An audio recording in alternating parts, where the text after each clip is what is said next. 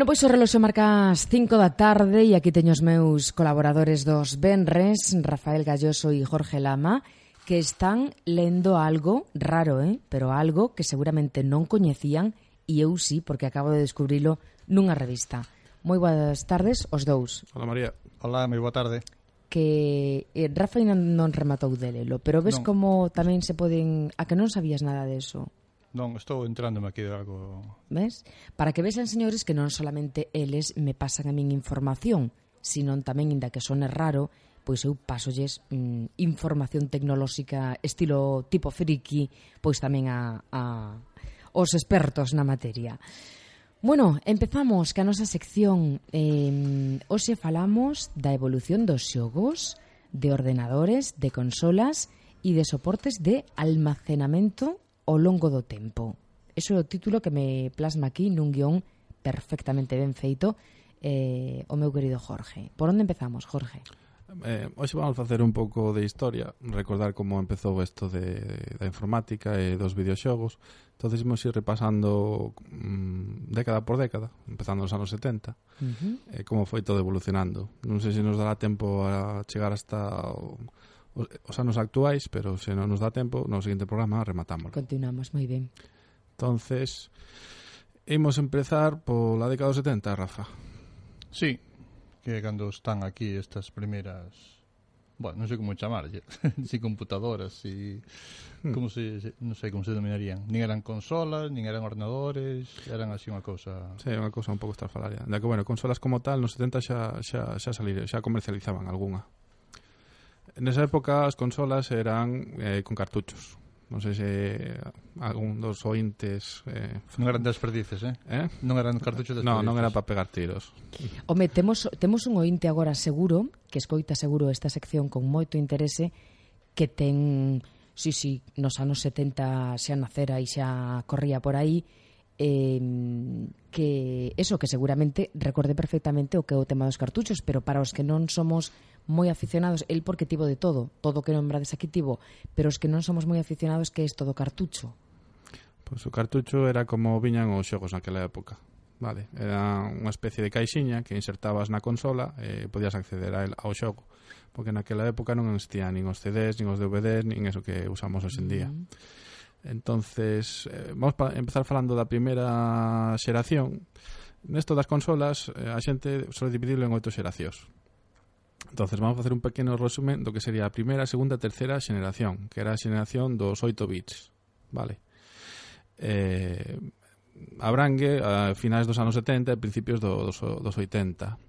Daquela época son consolas tan famosas como as primeiras de Atari, a NES, de Nintendo, eh, a Sega Master System hai moita xente de, da miña xeración que, que empezamos cunha consola desas ou cun dos ordenadores daquela época que os máis famosos eran os Spectrum e os Amstrad.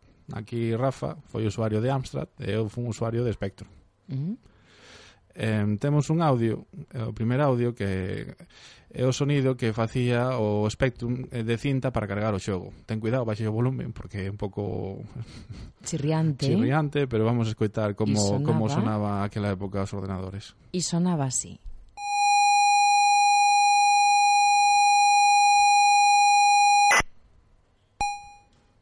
Aí queda. Bueno, pois é un sonido similar, se vos acordades, ao do modem que puxemos fai aquí fai alrededor dun mes ou dos meses. É unha cousa insoportable.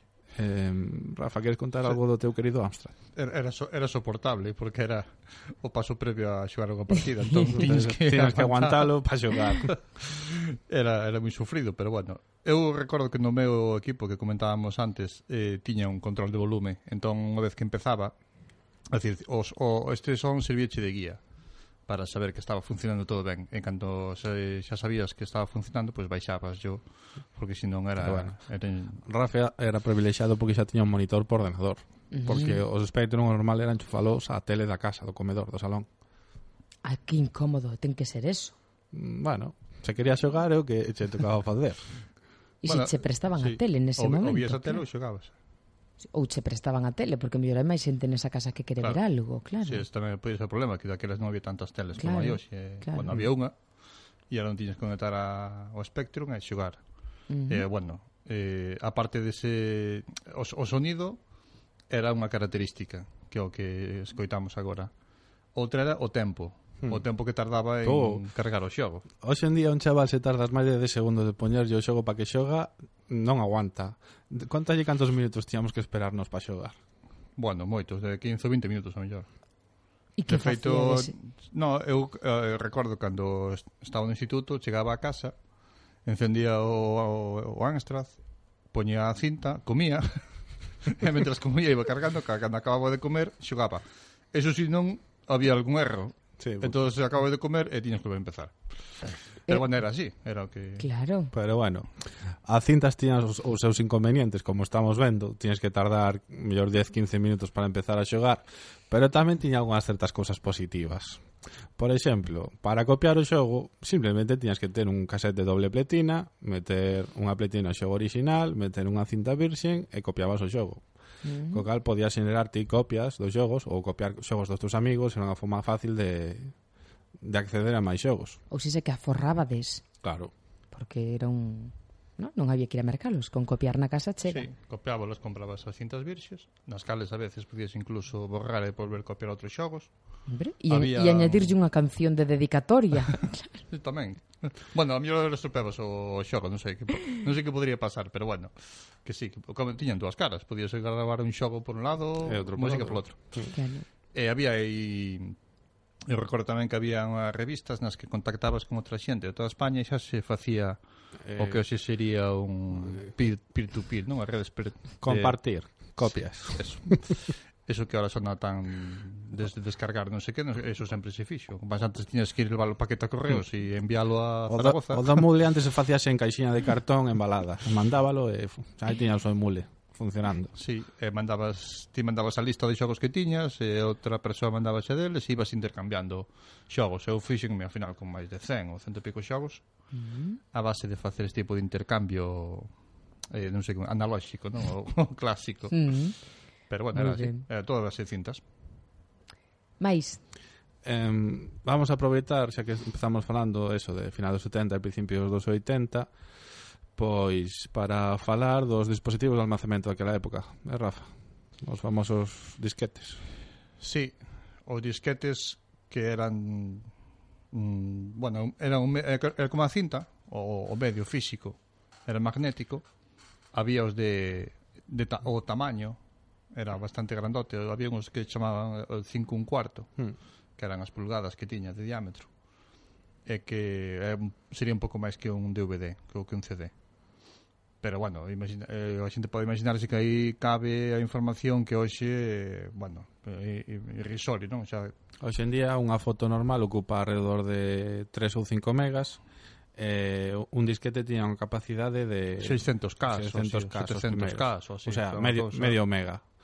Non o sea, cabe nin, unha foto. Necesitaríamos como 5 por 5, eh, uns 10 disquetes para guardar unha foto de día. Bueno. Esos no, Eh, bueno, eso, eran desacapacidade, que para o que tamén se facía daquela era suficiente, evidentemente. Eh, utilizábanse moito, moito no sentido de que tiñas que transportalos, tiñas que mm, introducilos nas disqueteras bueno, utilizábanse bastante, non? para guardar así os teus ficheros, os teus traballos Aunque que tiña que eran bastante baratos Sí, eran baratos, eran pouco fiables, no sentido de que cantos máis se usaban, moi máis probabilidades tiñas de perder o que había dentro. Uh, todos como, son ventajas. Sí, como eran magnéticos, non podías deixalos ao lado de algo que pudera afectarlles, como un monitor, por exemplo. Sí.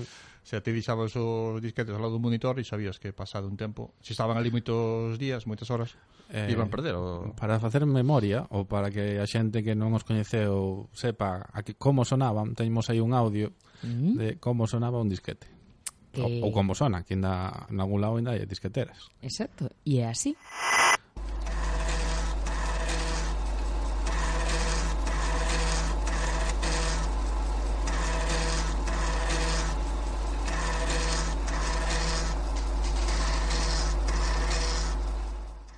así se nos fixemos vale. unha idea. E agora que temos aquí un momento friki, tamén che trouxen unha banda sonora de Star Wars co sonido de disquetera, que é o siguiente audio. A ver qué tenemos por aquí. Y eh, este.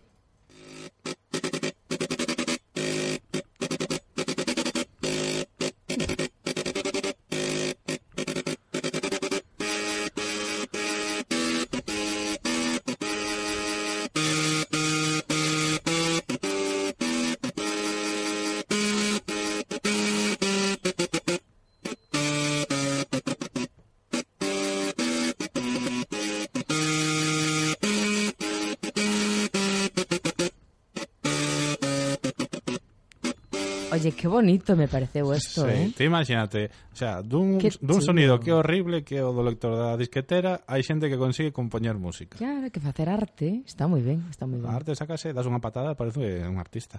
Mm. Uh -huh. eh, bueno, se queres tamén, eh, nesta época que falamos, eh, no, falamos a xeración dos 8 bits de, dos videoxogos, pois xa se empezaba a facer eh, música para os xogos pero claro, era unha música eh, os recursos que tiñan os ordenadores e as consolas nese momento eran moi limitados. Entonces vamos a escoitar se queres un par de exemplos de música de 8 bits que tes aí. Os dos uh -huh. siguientes audios son música composta para xogos de 8 bits a ver como sonaba. Por exemplo, esta coñecidísima do Super Mario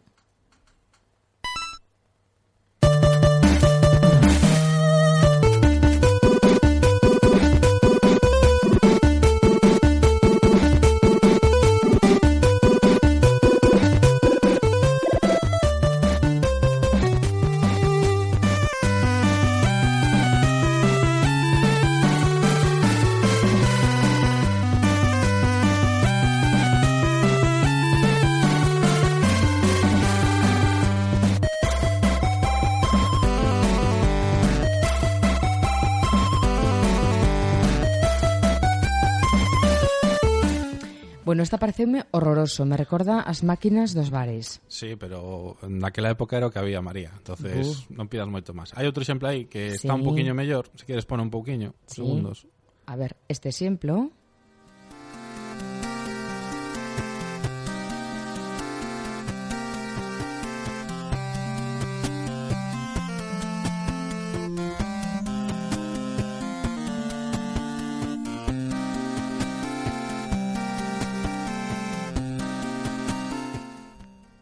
Bueno, ves que os recursos que habían eran limitados. Entonces, a música que lograbas compoñer para sí. esos videoxogos era un pouco cutre.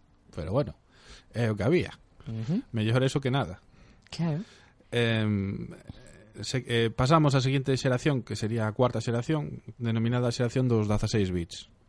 Vale, que sería correspondería co fina, finais do, dos 80 e a, durante a década dos 90.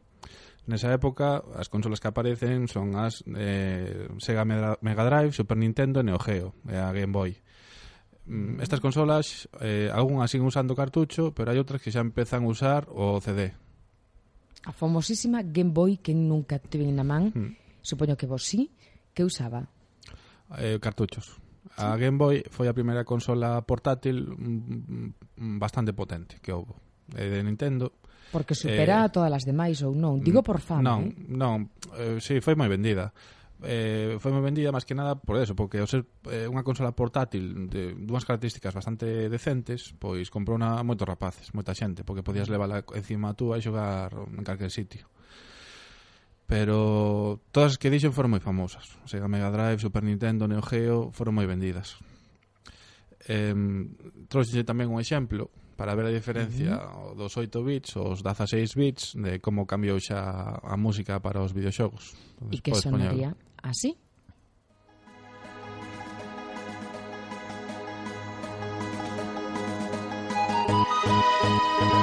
Thank you.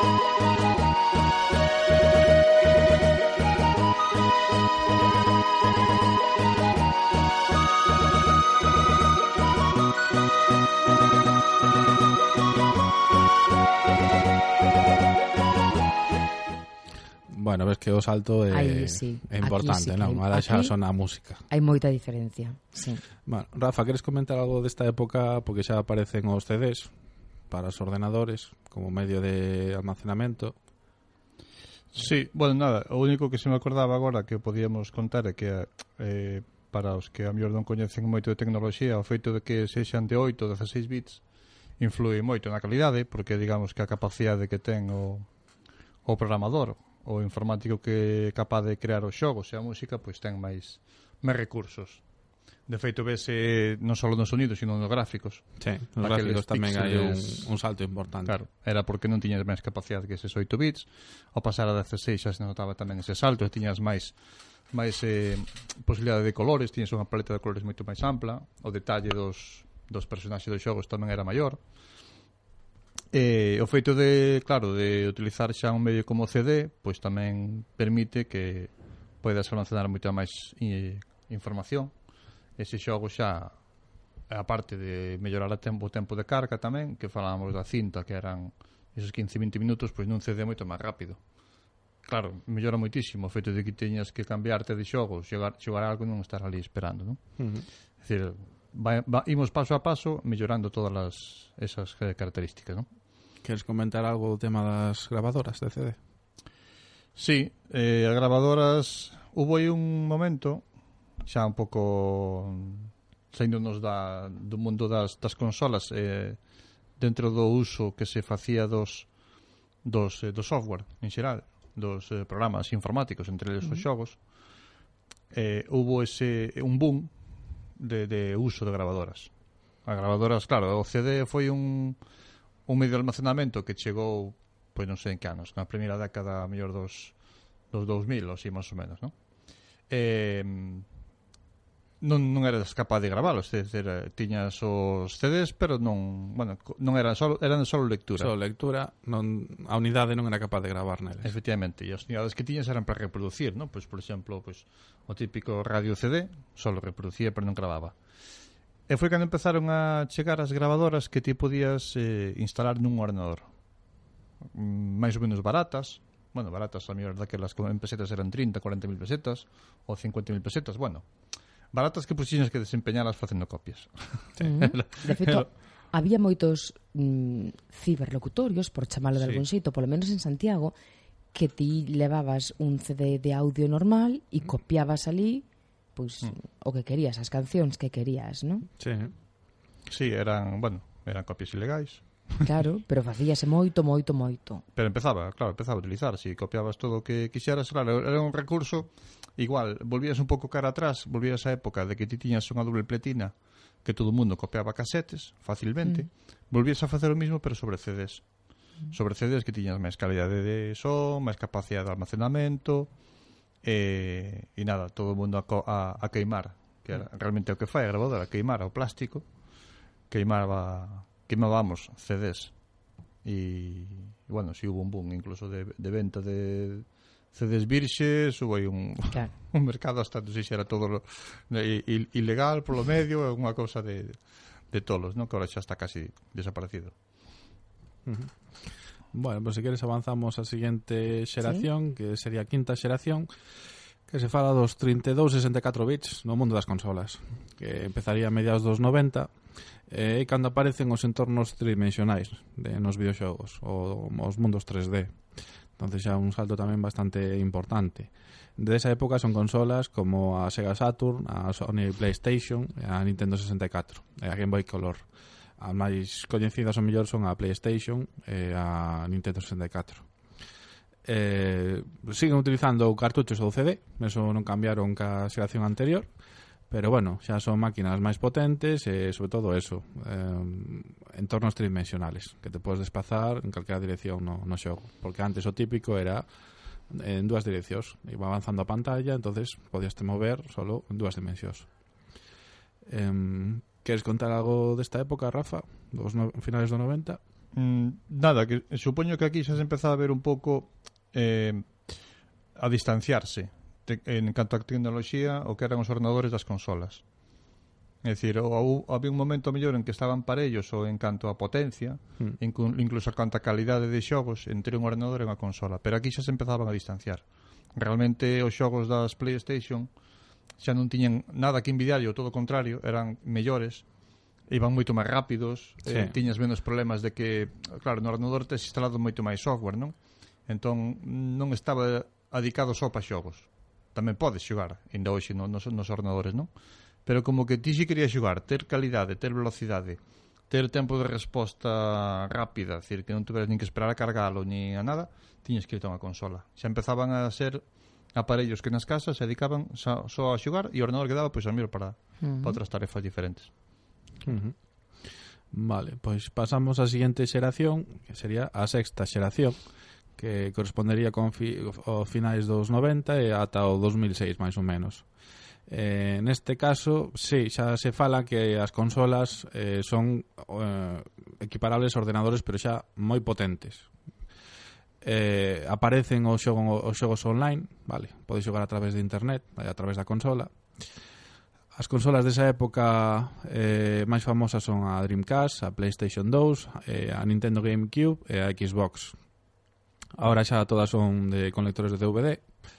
Eh, a gran diferencia é eso, que xa se diferencian bastante do que un, un ordenador, canta potencia para xogos, eh, o tema do xogo online Vale, o xogo online que xa veremos que ainda quedan dúas xeracións por falar delas, pero hoxe en día é moi importante. Pois naceu pois na sexta xeración. Uh -huh. Rafa, nos uh -huh. ordenadores tam, supongo que tamén, sería o boom do xogo online nesa época. Sí, aquí o único a mellor eh, tamén podíamos haber falado antes das diferencias que hai entre fabricantes, non? É dicir, ou entre compatibilidades.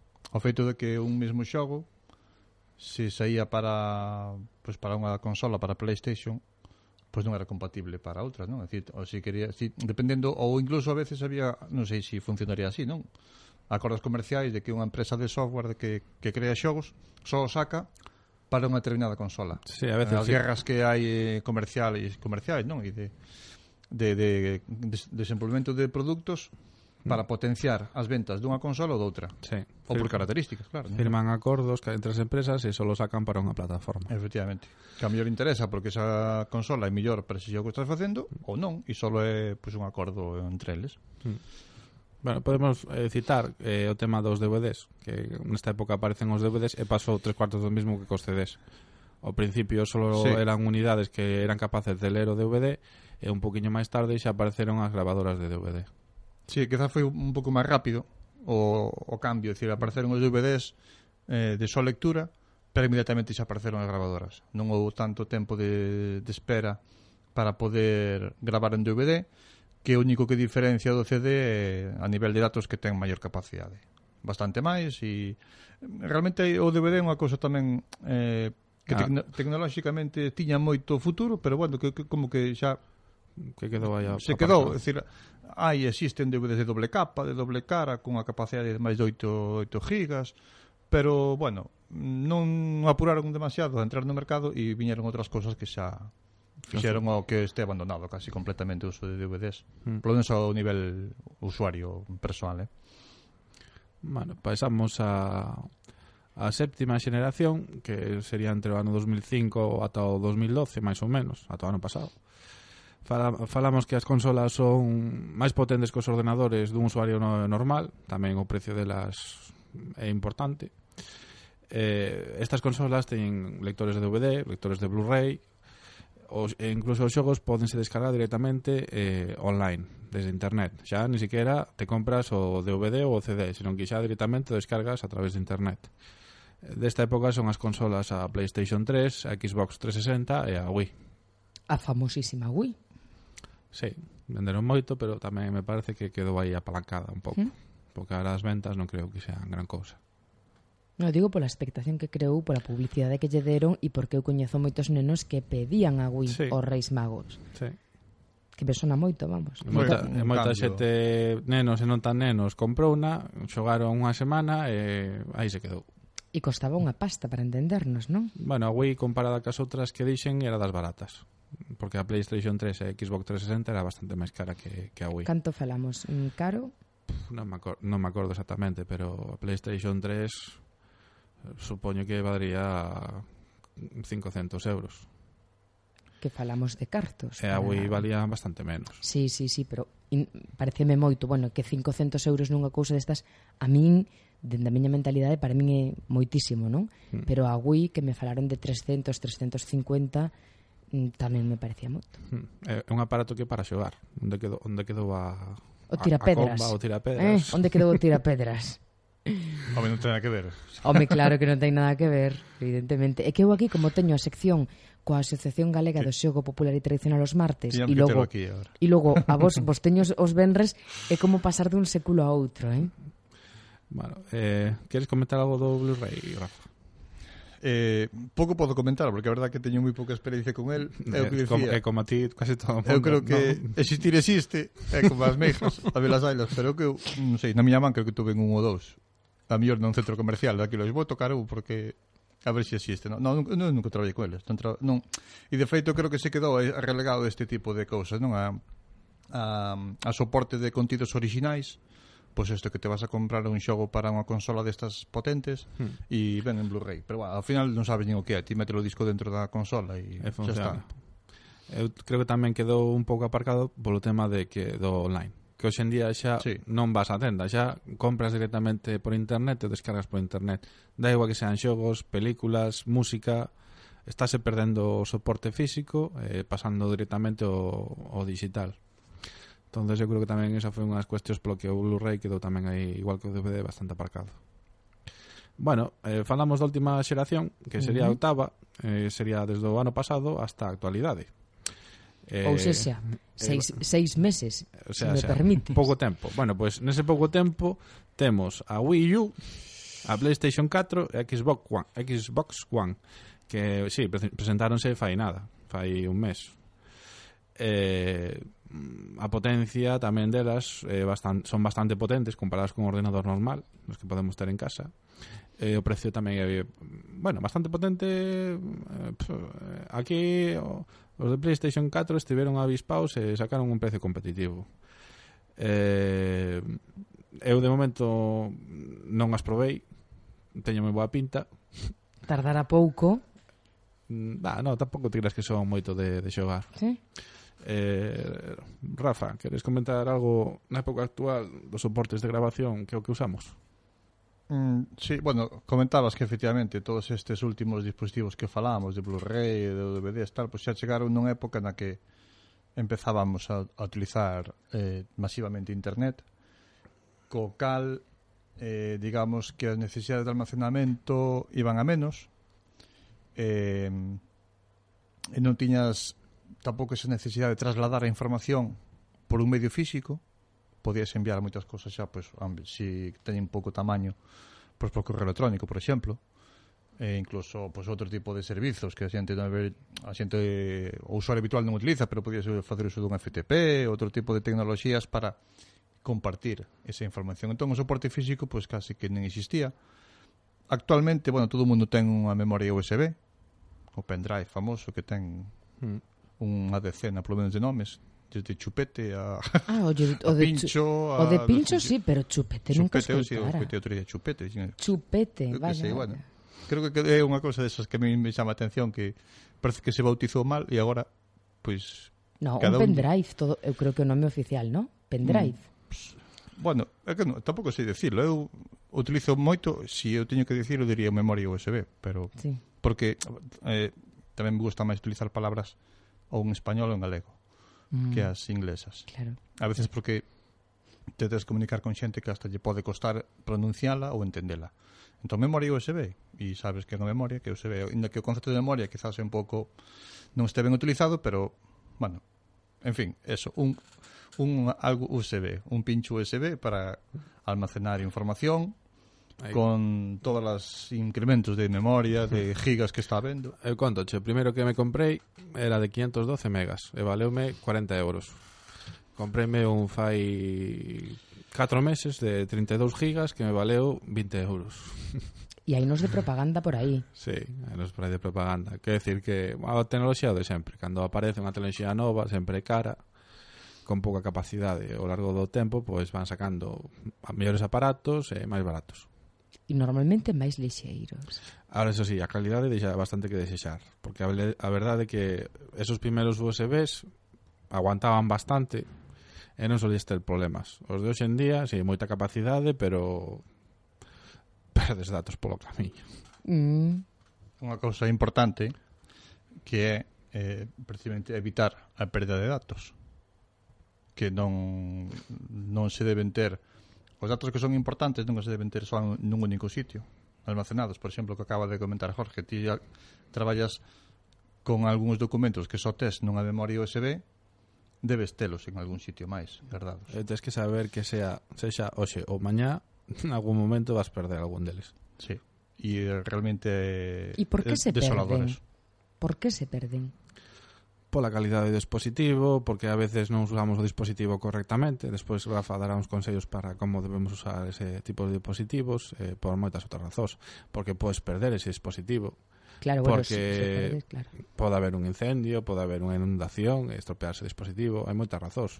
Mm. Por eso é necesario facer copias de seguridade en varios dispositivos e a poder ser telas en lugares diferentes.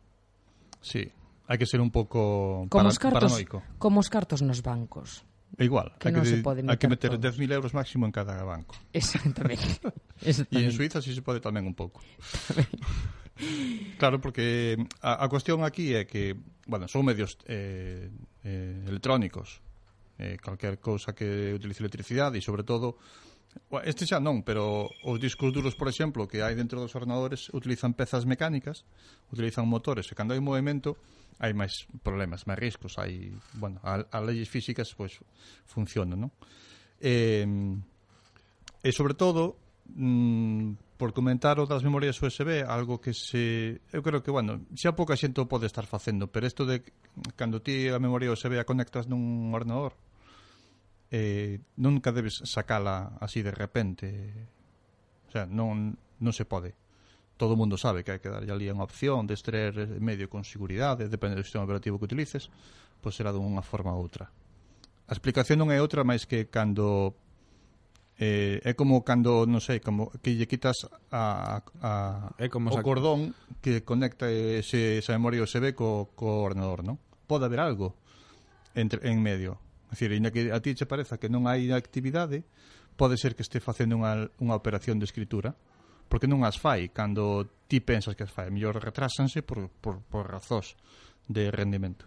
Mm. E sin esa, nese, nesa operación de escritura que ten que copiar, imagínate, eh, pues, a frase que ti escribiches, ti o quitas, a mitad da frase vai desaparecer. Co perigo non é que desapareza a mitad da frase, senón que despois non é recuperable ni siquiera a outra parte. Pode quedar todo feito un desastre. O sea que eso nunca se debe facer. Xa sei que se o faz 20 veces, as 20 veces che poden salir ben pero é unha cuestión de probabilidade. Algún día vas a ter un problema. E insisto, si son datos que son importantes, que suelen ser todos, vamos, todos os traballos que facemos con os ordenadores Porque son todos si no, importantes. non o gardas aí. Claro. Si son importantes, sobre todo, pois pues, hai que facer sempre copias eh, de seguridade. A forma máis rápida hoxe de facer copias é utilizar a mellor un servizo na, de sincronización de ficheiros na nube, tipo Dropbox, uh -huh. co cal xa non están só guardadas no teu equipo, senón tamén están por aí no servidor servidores desta empresa, en este caso. Queres comentar algo dos casos que tiñamos no guión de as Torres Windsor de Madrid ou as Torres Xemelas, Xemelgas de ah, Nova sí? York? Sí, a, na Torre Windsor cando ardeu, non sei, fai 10 ou 12 anos, non sei, máis ou menos. Eh, foi comentado o caso de que mm, nese edificio non sei que consultora era, ahora non me acordo, pero bueno, unha destas famosas non sei, era Price Waterhouse, unha que tiña pois 200 empregados ali traballando, eh, arderon todos, ardeu a oficina, arderon os portátiles, ardeu pois, toda a información que tiñan. Pero como tiñan un bon sistema de, de, de copias de respaldo, que as tiñan en Barcelona, o LUMS, isto ardeu un sábado, pois o LUMS, Seguían todos ese, ese 200 empregados problema. buscaron unha oficina de alquiler, en, bueno, xa buscarían o domingo, o LUMS seguiron traballando sin problema. O sea, chegaron á oficina, encenderon os equipos, conectáronse con Barcelona en vez de que conectarse co que tiñan ali en Madrid, eh, sin ningún problema. Eh, nas Torres Gemelas hai un caso que, bueno, xa é tamén non sei se é un pouco dramático como foi todo o atentado, pero que ti, había unha empresa que estaba nunha das torres que tiña a súa sede nunha delas. Pero a copia de seguridade estaba na outra. Mm. Entón, mm, bueno, tuveron a mala suerte de que caeron as dúas, non? Caeu tanto a oficina sí. principal como a... Aí sí que foi unha cuestión de mala sorte, sí, non? Sí, caeron as dúas e, bueno, non sei se si había máis en algún sitio, pero bueno Cando son veces... empresas moi potentes suelen facer unha das copias de seguridade a poder ser noutra cidade. Polo tema de que se hai unha catástrofe natural de algún tipo, pois malo será que chegue a afectar a dúas mm. cidades diferentes. Mm. Sí, calquera entidade, por exemplo, mm, financiera, calquer banco, dispón de copias eh, en varias, en varias seguramente eh, zonas xeográficas precisamente por isto para evitar un terremoto ou un calquer desastre natural que poida afectar a unha zona xeográfica, sempre hai unha copia do outro lado. Vamos, que a cuestión é poñerse sempre na pior das situacións e pensar que o día seguinte tiras a tua empresa ten que seguir traballando. Sexa como sexa, se conecte hacia un lado ou hacia outro, da igual. Bueno, pero... Menos que seas Fukushima, entonces está, está complicada sí. a cousa. Mm. E sempre eh, vai haber alguna cuestión na que digas, ti, jo, pues este caso non estaba previsto. Claro, o de sempre. Despois botas a culpa a Murphy e quedas moi ben. Decir, o de nah, sempre. culpa de Murphy. Sí, eh, que Ollinde temos por aquí no archivo que me trouxo eh, Sí, falta Jorge. eh, estivemos escoitando como era o sonido e a música no principio Eso. despois nos 16 bits e vamos a escoitar agora como é a música actualmente dun videoxogo que se vos fixades parece o, a banda sonora dunha película uh -huh. E son así?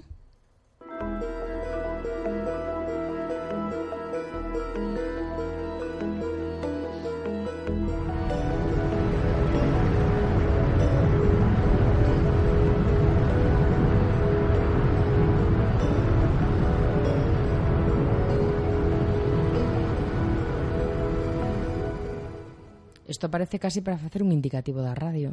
Sí, hoxe día realmente os videoxogos modernos non lle teñen nada que, que envidiar uh, o traballo do que se fai nunha película seria. Mm. O proceso de, de fabricación dun videoxogo tanto a nivel de pasta como xente traballando está á mesma altura. De feito, a industria do videoxogo hoxendía eh, adiantoulle a industria do cine. Move máis cartos a industria do videoxogo que do cine e vemos que os cines están pechando, ainda que, bueno, producións se facendo moitas, pero o tema dos videoxogos cada vez a industria de videoxogos sigue medrando. Uh -huh. E xa fai uns anos que, que adiantou en volumen a, a do cine. Sin embargo, parece unha como que un dominio silencioso, non?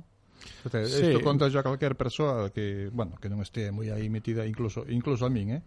Parece que digo, ostras, pero realmente así que a industria do videoxogo é tan potente como A mellor é que tamén é, non sei se é reducido, bueno, reducido non, porque teñen que ser millóns de xogadores para chegar a ese nivel, pero... Son millóns de xogadores. Eh, eu creo que a industria do videoxogo centrouse máis no negocio e non como no cine que se centrou moito en queixarse de non nos axudan, sí. non, non, non, non, non, non, non, non. Pois buscar, hai que poñer esas pilas. Sí, porque a, a, a excusa do, do pirateo, do descargas ilegais o, o a industria do videoxogo teno que, moito sí. antes incluso que a industria do cine. A, eh, e, superou ese... E superonse adaptar. Por eso claro. tamén potenciaron moitísimo o tema online porque no tema online gracias a eso pois, bueno, eh, algo do pirateo evitaron con esos con esos temas e superonse adaptar a, aos tempos modernos. Sí, o que falamos de nós sempre que falamos de software libre non se dedicaron a vender copias, sino a ofrecer servizos. E aí está a clave do éxito. Sí nun futuro moi presente eh, rumorease que as empresas das consolas e de videoxogos máis que venderche un videoxogo mm, acabarán vendéndoche un servicio. Ti pagas X euros ao mes eh, por eses euros tes dereito pois a xogar X horas ou a descargarte X xogos, X contido eh, incluso no tema de das películas, dos servicios de para ver películas ou series a través de online tamén van hacia ese a ese, hacia ese formato. Ti pagas por un servicio, non pagas por unha película. Uh -huh. Oye, outro día tedes que falar, agora estamos rematando, temos que rematar xa, pero outro día tedes que falar das invitacións a xogos e de xogos en Facebook. Danme facer xogar ao Facebook, eu non, que non quería, pero bueno. No, é que a min mándame un montón de invitacións sí, pero... a xogos que eu nunca xoquei a nada, non vou a mm. facelo, Pero moitas desas invitacións son fanse de forma automática, o sea, non é o usuario moitas veces o que che manda a invitación, Sino simplemente por eh, acceder ao xogo e eh, permitir ao xogo que faga certas cousas, unhas cousas que fai é eh, mira os contactos desa persona e manda unha invitación a todos os seus contactos. Mm a mí facíaseme raro que determinadas persoas que coñezo me invitaran a xogar Mm, sí, porque no, non a xente que se dedique non teñen o Facebook para eso é a propia, aplica tampouco, a, é a propia aplicación ah, que fai ah, automáticamente. Moi ben. Bueno, pois pues eso, que outro día seguimos falando de moita máis tecnoloxía mm, agora foise noso tempo, así que temos que deixalo aquí. Moi ben, Recordachedes desbellos regalos de reis ou non? sí. sí, eu o sonido do Spectrum O primeiro que puxemos teño grabado aí na, na memoria A Lumni, vamos Sí Sí, no, bueno, a Lumni sí, non me extraña, eh? porque sí. con ese sonido Oye, e sí algún, que queda grabado. Alguna cousa, eu que sei, pois pues unha Xbox, unha Nintendo, unha mm, de todo eso que falamos, que vos mm, vos fixera especial ilusión, ou que comprarades con aforros vosos ou que viñeron un, pois, un día de reis algunha destas cousas especiais? eu comprei unha Playstation. Eh, bueno, non sei, fixome gracia naquele momento. Sí? Unha Playstation. Rafa? No, eu desde que me comprei o Amstrad ah, Ese famoso de cinta anda con fósforo verde Inda anda con Que ainda xoga con el polas noites Que 13 anos Desde aquela nunca volvín así a Creo que o utilicei demasiado xa Me quedei saturado para, para o resto dos meus días de xogos Moi ben Bueno, pois eh, nada, como sempre Jorge Lama, Rafael Galloso Os dous, mil gracias como sempre por estar aquí. Gracias, María. Gracias.